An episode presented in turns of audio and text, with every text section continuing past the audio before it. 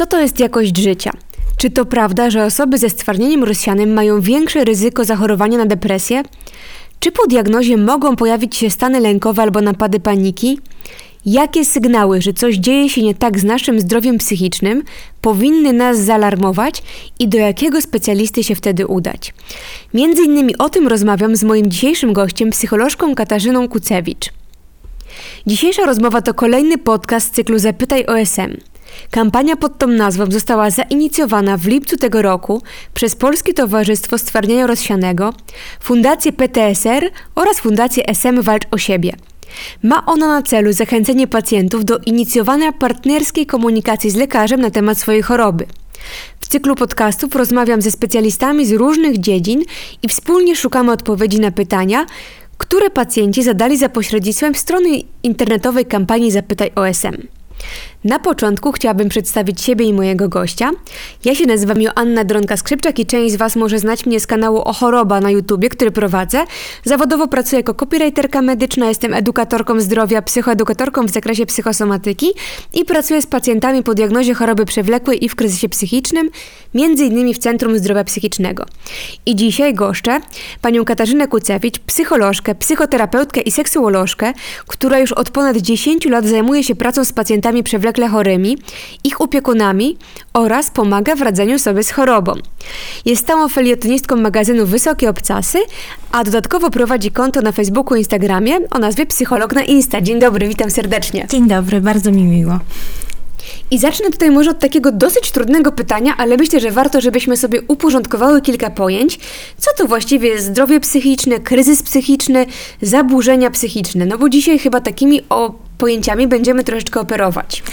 Rzeczywiście dobrze jest zacząć od samego początku, więc e, może przede wszystkim e, skupię się na tym, czym jest zdrowie psychiczne, bo to mm, czasami dla jednych oznacza brak e, zaburzeń psychicznych, chociaż w naszej specjalistycznej nomenklaturze jednak to nie, to nie, nie jest tak, że brak już diagnozy psychiatrycznej oznacza, że na pewno nasze zdrowie psychiczne jest w normie, bo okazuje się, że żeby ono było w normie, musimy przede wszystkim czuć taką wewnętrzną harmonię ze sobą.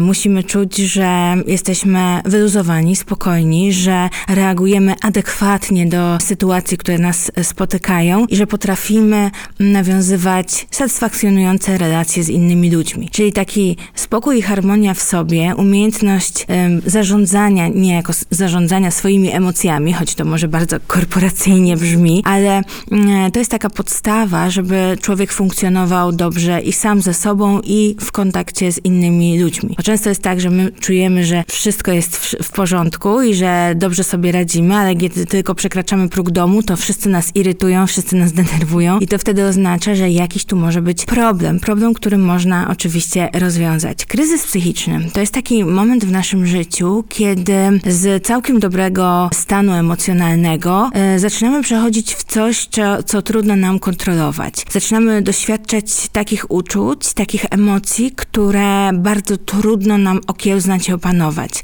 Kryzysem psychicznym nie będzie sytuacja jednorazowa, taka dość błaha, kiedy na przykład sąsiad zwróci nam uwagę, że nasz pies bardzo głośno szczeka, jego to irytuje. Możemy się wtedy poczuć nieswojo i możemy nawet chodzić strapieni przez kilka dni, ale kryzys psychiczny jest już czymś poważniejszym. Jest takim momentem, kiedy przez e, kilka godzin, dni zaczynamy czuć, że to, co było kiedyś, nasze aktywności kiedyś przeszły do lamusa, że teraz zaczynamy się czuć znacznie gorzej, że wszystko, co, to, co kiedyś sprawiało nam łatwość i radość, teraz staje się miałkie do niczego i jest nam trudno. Wtedy właśnie tak naprawdę możemy mówić o e, kryzysie psychicznym.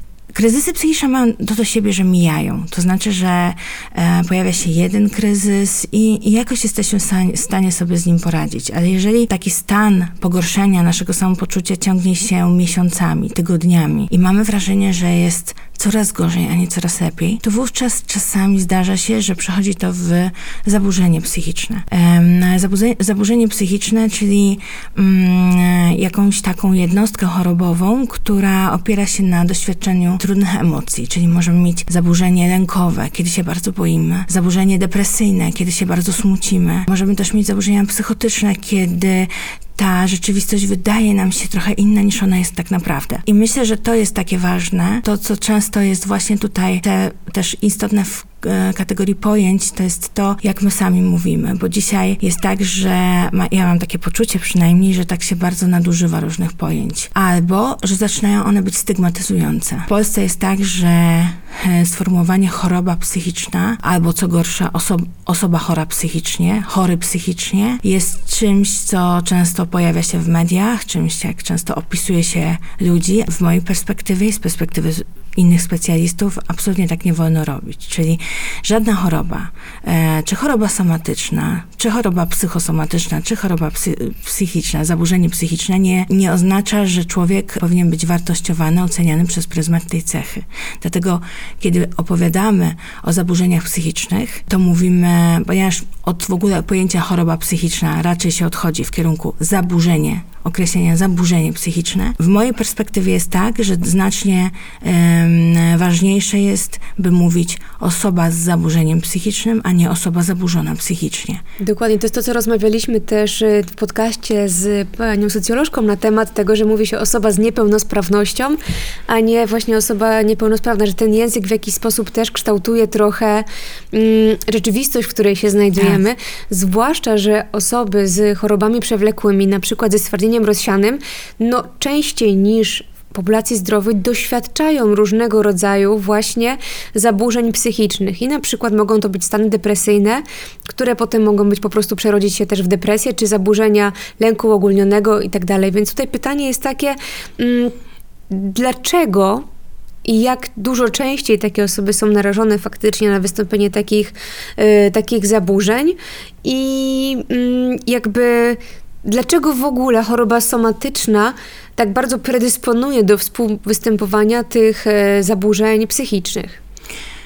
Faktycznie badania wskazują, że mm, na kryzysy psychiczne w e, trakcie e, diagnozy SM, a także nawet kilka lat po, no są zjawiskiem częstym. Mówi się, że depresja dotyka nawet 50%, czy też różnego rodzaju zaburzenia depresyjne, pochodne, czy zaburzenia nastroju dotykają nawet 50% ze diagnozą stwardnienia rozsianego, tak samo zresztą, nawet więcej e, w przypadku zaburzeń lękowych. To jest oczywiście związane z, z różnymi czynnikami. No przede wszystkim z tymi czynnikami, z kontekstem tego, co się wydarzyło, czyli, czyli tego, co się dzieje w naszym życiu, czyli że zaburzenie jest reakcją na e, jakieś, jakąś sytuację trudną, która, kryzysową, która nas spotkała. Taką trudną, kryzysową sytuacją jest, jest z całą pewnością usłyszenie diagnozy. Diagnoza e, i przedstawiony schemat leczenia może być dla wielu osób e, depresjogenny, zwłaszcza jeśli brakuje wsparcia, e, zwłaszcza jeśli brakuje bliskich osób, które mogłyby być tutaj taką opoką dla nas i zwłaszcza kiedy jesteśmy osobami wrażliwymi i osobami emocjonalnymi. Wówczas usłyszenie o diagnozie, czy też o pewnym pewnych aktywnościach, które trzeba będzie podjąć, bądź z których trzeba będzie zrezygnować w związku z diagnozą, no jest, e, jest czymś, może być czymś, co będzie depresjogenne. No ale nie tylko, bo w przebiegu SM też czasami do depresji może się przyczynić też sama, sama choroba i tutaj hipokamp, który, który może być uszkadzany przez, przy, przy e, SM, może też wpływać na to, że ta depresyjność będzie się po prostu pojawiała endogennie, czyli nie będzie wywołana nie tyle sytuacją, co po prostu e, chorobą, która ma, która może generować depresję. Tak czy siak, mówi się o tym, że jakby kluczowe jest tutaj po prostu nasze podejście i nasze kompetencje e, emocjonalne. Czyli jeżeli my potrafimy sobie radzić e, z naszym nastrojem, to nawet w przypadku bardzo pogłębionego stanu depresji możemy próbować z tego wyjść, bo e, depresyjność jest czymś, czym, z czego można wyjść, z czym można sobie radzić. To jest taka dobra wiadomość, myślę. I ważna, i ważne, żeby to od razu na początku wybrzmiało, że, że ten stan e, głębokiego e, takiego doła, marazmu, przygnębienia, to jest stan, z którego można się wydostać, tylko te drogi są różne i zaraz o nich wszystkich opowiemy. Tak. Myślę też, że warto to, żeby podkreślić, że pojawienie się tego kryzysu psychicznego, czy właśnie stanów depresyjnych nie świadczy o tym, że ktoś sobie właśnie nie radzi albo często się zdarza, że ludzie mówią, no przecież mam wsparcie, mam tutaj pomoc, mam niby wszystko, żeby sobie poradzić, a nadal pojawiają się właśnie te zaburzenia depresyjne. No jest takie jeszcze dodatkowe poczucie winy, że przecież no, no, no nie ma ku temu powodu, ale jakby to jest ważne, żeby też to podkreślić to nie zawsze zależy mm, od samego faktu radzenia sobie z sytuacją, tylko właśnie to, co było powiedziane w samym przebiegu stwardnienia rozsianego mogą występować czynniki, które wpływają na to, że ta depresja się mm, pojawia. Świetnie, że Pani o tym mówi, dlatego że e, faktycznie jest też tak, pamiętajmy, że może pojawić się depresja zupełnie niezwiązana z SM, zupełnie niezwiązana z diagnozą tylko po prostu być, być e, no, efektem tego, że, że, że jesteśmy osobami no, jakby mającymi skłonności do, do, do zaburzeń wahań nastroju.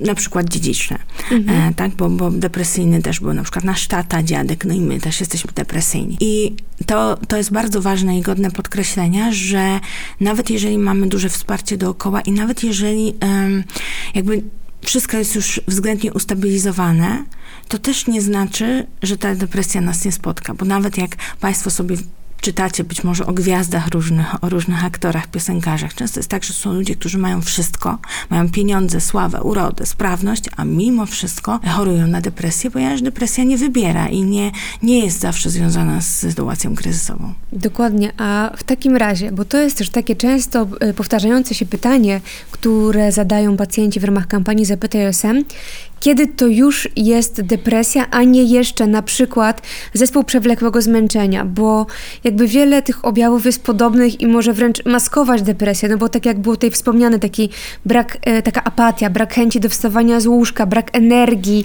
jakby porzucanie takich zajęć, które się lubiło, to wszystko już gdzieś wybrzmiało w kontekście depresji, a jak się czyta właśnie na przykład o zespole przewlekłego zmęczenia, mhm. no to też można, e, można wyczytać takie objawy. Kiedy faktycznie e, trzeba mm, zauważyć, że coś się dzieje, kiedy powinna zapalić się taka czerwona lampka, że być może to już są zaburzenia depresyjne, depresja i tutaj no nie jest to właśnie przewlekłe zmęczenie czy jakiś chwilowy kryzys.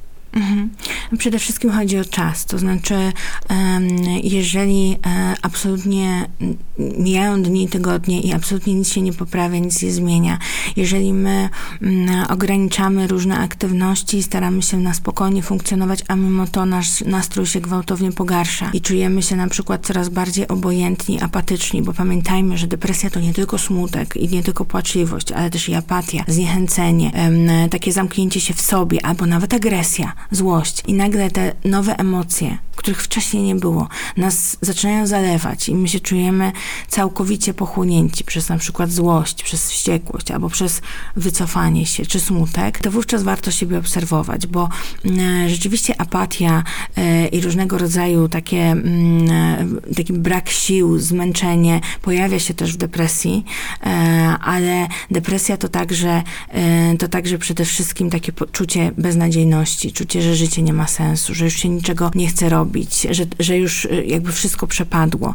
To jest często mm, tak, że mamy tutaj w depresji szereg przekonań, których wcześniej nie było, które mhm. nagle się nas, zaczynają pojawiać, na przykład, że życie nie ma sensu. Wcześniej tego nie było. Na przykład ktoś może powiedzieć, nawet po diagnozie miałem takie poczucie, że wszystko jest ok, ale teraz po roku myślę sobie, że to wszystko nie ma sensu na przykład. I takie myśli, to często one się wydają bardzo racjonalne osobie z, z zaburzeniem depresyjnym. E, wydają się racjonalne, wydaje się komuś, no po prostu tak jest, że życie nie ma sensu, ale to są tak naprawdę tak zwane zniekształcenia poznawcze. Czyli na skutek depresji, depresja podsuwa nam niejako te myśli do głowy i one nam się wydają super e, racjonalne i mało tego, często wydaje nam się, że już nic nie da się zrobić. Mhm. Mamy takie poczucie, że to już jest tylko równia pochyła, nic mi się, e, nic mi już nie będzie wychodziło. Jeżeli to się ciągnie i nic nie jest w stanie nam tego nastroju polepszyć, ani spotkanie z jakimiś znajomymi, ani e, oglądanie, nie wiem, ciekawych programów, które zawsze lubiliśmy, czy relaksowanie się, nie wiem, e, spacer z psem, czy głaskanie kota. Jeżeli to wszystko przestaje nas e, cieszyć, już po prostu nic nas nie cieszy, to warto jest spotkać się z lekarzem psychiatrą. No bo mm, tą diagnozę depresji to nawet nie ja jako psycholog, a lekarz psychiatra musi postawić i musi zróżnicować co nie jest łatwym zadaniem, ponieważ wszystkie zaburzenia, zaburzenia psychiczne mają to do siebie, że one się przenikają, że trudno jest rozgraniczyć, co jest jednym, a co drugim, ale, nie, ale pamiętajmy, że leki na przykład, czy też sposoby terapii dobierane są do objawów, a nie do stricte jednej nazwy jednostki, więc bez względu na to, czy to będzie bardziej w kierunku depresji, czy bardziej w kierunku e, zmęczenia e, i tak lekarz tutaj zaordynuje coś, co po prostu nam pomoże. Mhm.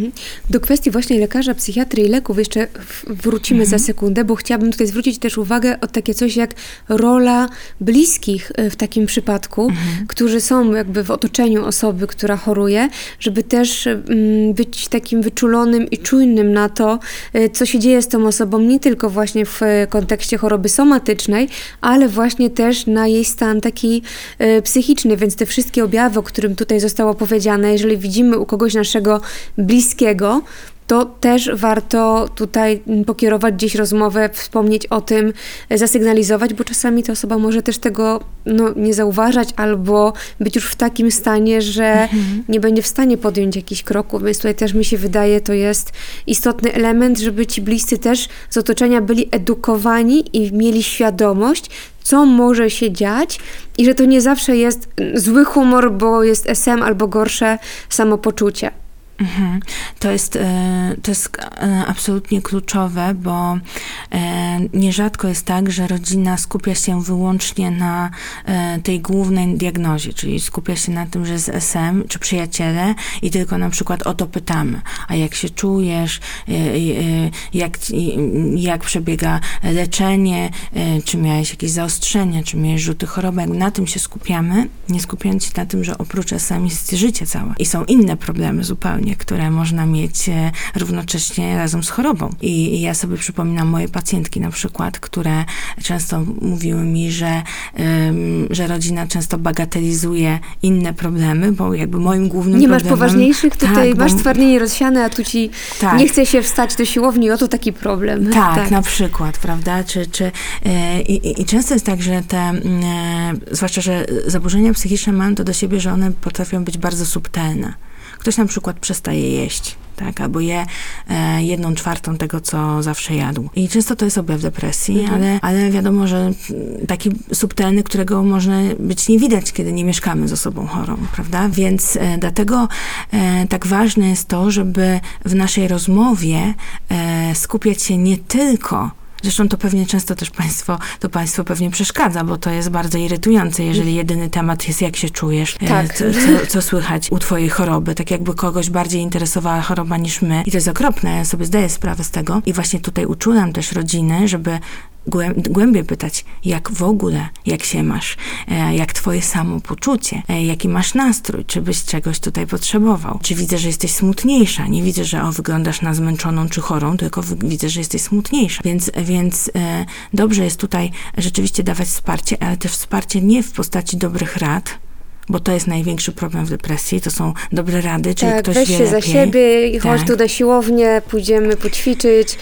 No, tak. to takie są, y, weź się w garść. Weź się w garść, albo takie wręcz y, czasami y, te rady y, wzbudzają poczucie winy, prawda? Na przykład ktoś mówi, takie piękne słońce, a ty jesteś taka smutna. Kiedyś jedna z moich pacjentek świetnie odpowiedziała swojej teściowej, która weszła do niej do domu i otworzyła okno i mówi, takie piękne słońce, a ty taka smutna. Ona na to odparła, czy, czy dla kogoś, kto ma zapalenie płuc, jest jakakolwiek różnica, czy pada, czy, e, czy jest słońce, czy to ma jakiekolwiek znaczenie. Tak samo jest e, rzeczywiście z depresyjnością, że to nie ma znaczenia, czy jest piękna pogoda, e, nie ma znaczenia, czy jest pięknie dookoła. Jeżeli jest depresja, to ona jest depresją nawet w Luna Parku z klaunami, tak? gdzie jest wesoło i radośnie. To nic nie ma tutaj znaczenia. Dlatego, dlatego dobrze jest być uważnym, dobrze jest zamiast dawać właśnie te dobre rady, pytać pytać i udzielić ewentualnie merytorycznego wsparcia typu skierować do specjalisty, tak. a nie próbować tutaj e, terapeutyzować znajomych albo właśnie dobrymi radami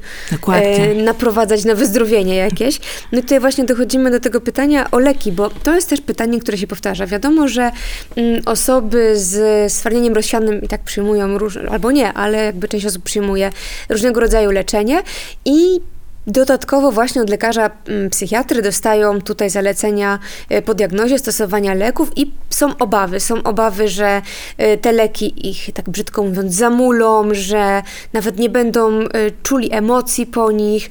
Jakby jest taka obawa przed stosowaniem tych leków, a ja bym się chciała zapytać, mm, skąd ten taki lęk przed farmakoterapią i jaka naprawdę jest jej rola właśnie w, w tutaj leczeniu zaburzeń depresyjnych i lękowych? Leki psychiatryczne mają fatalny fatalny PR, mają, mają fatalną opinię, e, zupełnie niesłuszną, ale taką utrzymującą się i to jest e, o tyle słabe, bo proszę Państwa, ta opinia powstała jakieś, nie wiem, 30 lat temu, a od tego czasu naprawdę leki przeszły ogromną, dynamiczną rewolucję. Warto mieć e, świadomość, że to, e, że ciocia 40 lat temu narzekała na jakiś lek, który ktoś jej dał na uspokojenie, że on ją zamulił, e, nie ma nic wspólnego z dzisiejszymi lekami, bo dzisiaj mamy leki nowej generacji, generacji, które są bardzo e, wycelowane w to, żeby było jak najmniej objawów ubocznych i jak najwyższe działanie. Jest ich na rynku cała masa, więc można dobrać takie leki, które będą idealnie dopasowane do nas,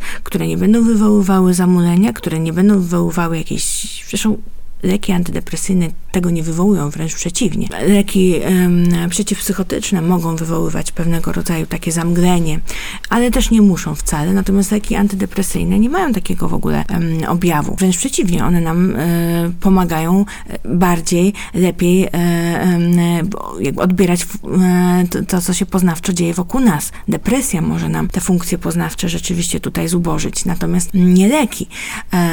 Po lekach też e, nie jest prawda, że się tyje i nie jest prawda, że się wypadają od nich włosy czy cokolwiek. One, one mogą być naprawdę bardzo wspierające. Oczywiście nie zawsze są super dobrane za pierwszym razem.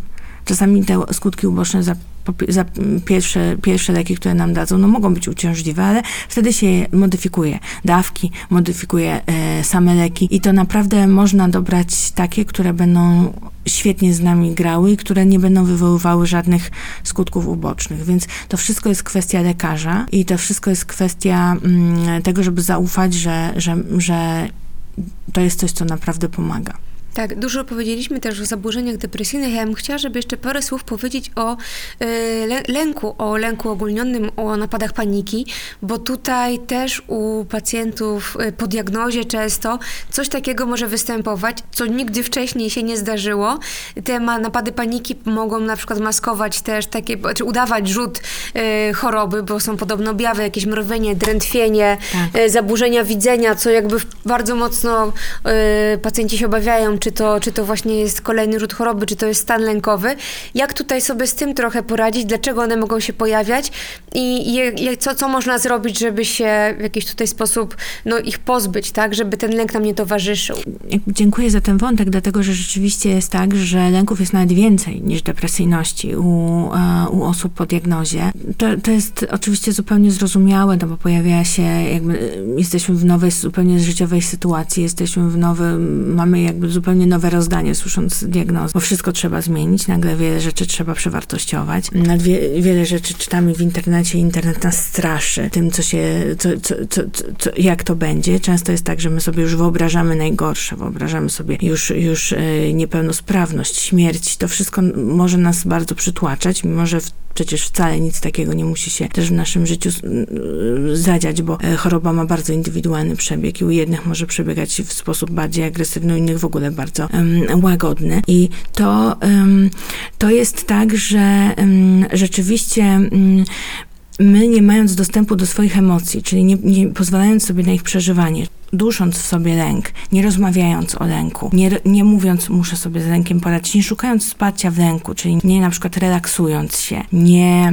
ćwicząc technik oddechowych, które są bardzo ważne, my często możemy gdzieś z nienacka wybuchać tym lękiem. Tak, czyli tak mieć... psychosomatyzujemy też, wtedy się tak. pojawiają napady paniki. Dokładnie wiem, o czym rozmawiałem, bo ja na początku tak miałam, było takie wypieranie tego lęku na zasadzie nie ma się co martwić, nie ma się co martwić, zamiast dać mu dojść do głosu i go przerobić, tak. to to sobie jeszcze bardziej się wciska w siebie, wciska, no i potem, potem on wybucha, właśnie później są te ataki paniki, tak. więc jakby to też jest pole do pracy z y, psychologiem tutaj. Tak, i tutaj psychologia, psychoterapia może naprawdę bardzo pomóc okiełznać te lęki. E, I jakby zrozumieć je i się z nimi spróbować zakolegować. Bo lęk, tak jak złość, tak jak smutek, tak jak radość, to jest normalna emocja, zupełnie naturalna, która się pojawia, która do nas przychodzi i my zamiast zamykać drzwi przed nią, warto, żebyśmy ją wpuścili i nauczyli się z nim żyć, nauczyli się go ujarzmiać, nauczyli się z nim dyskutować, e, ale nie w taki sposób właśnie e, na zasadzie nie, nie macie, nie macie, ja, nie, ja nie, w ogóle nie rozmawiam o lęku, nie czuję tego lęku, tylko no tak, czuję, boję się, tak, pojawia się we mnie ten lęk, się z nim funkcjonować i wtedy to nie jest tak, jak może się wydawać, że o, jak ja go wpuszczę, to on się rozgości i już nie wyjdzie nigdy. Nie, to nie jest tak. Jeżeli ja go wpuszczę, to ja się nauczę funkcjonować tym, że że też jest ta emocja we mnie. I ona nie będzie mnie zaskakiwać, bo mm, faktycznie ja w swojej praktyce wielokrotnie miałam do czynienia z napadami paniki, które udawały rzuty. Tak? To znaczy, że. No bo te objawy są do złudzenia, do złudzenia przy, przypominające i uciążliwe na maksa. Mhm. I pacjentki przychodziły przerażone, mówiąc o tym, że znowu rzut, znowu rzut, to znowu rzut, to jest znowu to, już mi coś drętwie, już mi coś mrowi rozpoznać to bardzo trudno. Natomiast, natomiast w przypadku, kiedy my zaczynamy ćwiczyć, czyli zaczynamy lepiej do siebie mówić, bo to jest w psychoterapii, na przykład poznawczo-behawioralnej, terapii schematów, My staramy się robić tak, żeby osoba umiała ze sobą rozmawiać, sama siebie uspokajać, sama siebie wyciszać, stosować różne techniki relaksacyjne, wizualizacyjne. To wszystko jest po to, żebyśmy potrafili okiełznać te emocje i wtedy nagle okazuje się, że te rzuty, które się pojawiały co tydzień, nie znikają, nie pojawiają się, bo to były napady paniki i ich jest mniej i osoba w ogóle się zaczyna lepiej czuć, bo wiecie Państwo, jesteśmy wszyscy jakby jedną materią, w związku z tym, jeżeli głowa nam zaczyna siadać i szwankować, to wiadomo, że ma to też wpływ na chorobę. I te rzuty mogą się też zaostrzać w sytuacji, kiedy my mamy taki bałagan w swoim sercu, kiedy mamy też bałagan w swojej głowie, kiedy mamy kaskady różnych emocji i nie umiemy nad nimi panować, dlatego totalnie ważne jest, żeby zgłaszać się po pomoc. Najlepiej oczywiście stosować różne metody jednocześnie, czyli e, nie tylko farmakoterapię, ale też i psychoterapię.